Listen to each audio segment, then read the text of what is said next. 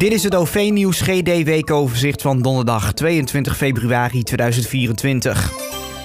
De gemeente Tinalo is een online enquête onder bewoners van het dorp Tinalo gestart om te onderzoeken of er behoefte is aan een busverbinding in het dorp.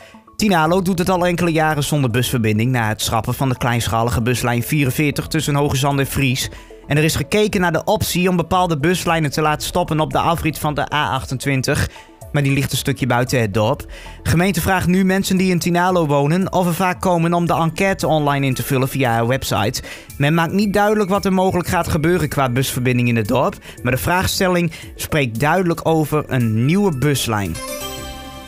Cubus heeft fors meer reizigers met een broezenkaartje mogen verwelkomen in de bus het afgelopen jaar. 68.000 reizigers maakten gebruik van broezen in 2023. Dat is ongeveer 75% meer dan een jaar ervoor.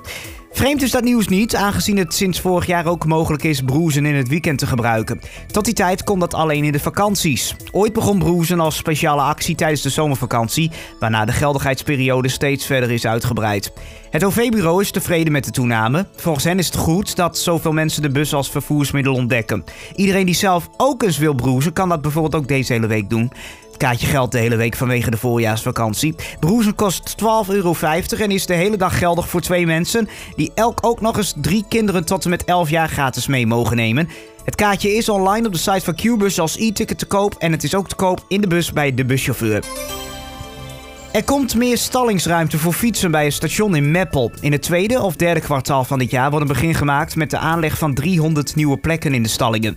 Beide bestaande fietsenstallingen krijgen een deel van die nieuwe plekken. Nu zijn de stallingen met een totale capaciteit van 1500 fietsen vaak nog vol. En deze ingreep moet de ergste druk verlichten. ProRail en de gemeente trekken samen op bij het uitvoeren van de plannen. Een ingrijpende aanpassing bij de samenreiskorting van de NS. De vervoerder geeft de korting straks alleen nog na het gebruiken van een speciale code. Bepaalde abonnementshouders van de NS mogen iemand tegen 40% korting met hun mee laten reizen. Maar in de trein ontstaan daar vaak discussies over met de conducteur wanneer er gedoe met de kaartjes is.